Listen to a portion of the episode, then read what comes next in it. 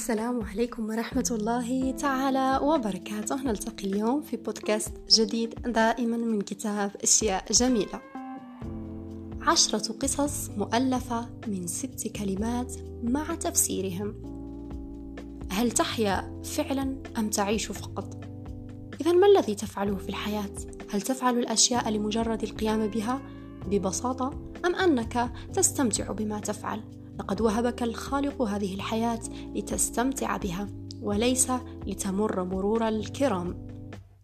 صوتي الداخلي يخبرني أني شخص عادي. أخبرني شخص ما ذات مرة بأن الشك بالنفس يقتل الأحلام أكثر من الفشل. الكل يكافح كما تعلم. تذكر ذلك. أنت تعلم أن كل شخص يكافح في البداية لفترة. ولكن إذا كنت تؤمن بنفسك سيغدو الفشل في البداية مجرد قصص تتذكرها عندما تصل إلى المجد. من الجيد أن تبكي قليلا أحيانا. أنا لا أقول أنك لن تتألم عندما تفشل، ومن ثم تفشل مرارا وتكرارا. إنه لأمر مؤلم جدا، والمؤلم والمؤلم أكثر أن تحتاج لشخص ما ولكنه يتركك بازدراء وحيدا ولذا إنه لمن الجيد أن تبكي قليلا وبعدها انهض وامض قدما لماذا لا يمكنك أن تحب مثلي؟ لا أستطيع أن أفسر هذا حقا ولكنني أؤمن بأن الحياة في الأوقات العصيبة تريد أن تظهر لنا من هو الأصيل ومن ليس كذلك. هنالك في الأماكن المظلمة فسحة للضوء.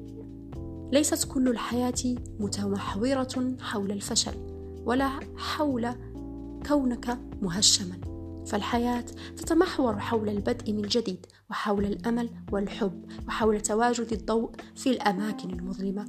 فعندما تكون قادرا على رؤية ذلك الضوء سيعود كل شيء جميلا من جديد كما لم يكن قبلا. في تلك اللحظة بالذات كانوا أحرارا. عندما تدرك بأن الأشياء تحدث لأنها يجب أن تحدث وليس بسبب خطأ منك وبأنك فشلت في هذه المرة لأنه ما زال هناك أمر ما عليك تعلمه. في تلك اللحظة بالذات ستكون حرا. لا مزيد من التردد. احسم خيارك. لا مزيد من التردد الآن. حان وقت تحديد ماذا تريد وما هو خيارك. وعلى العمل على جعل ذلك الخيار ينجح.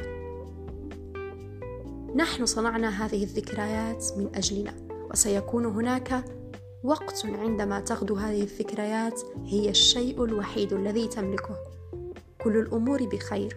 أغمض عينيك الآن. اليوم هو يوم جيد يا صديقي. كن بخير.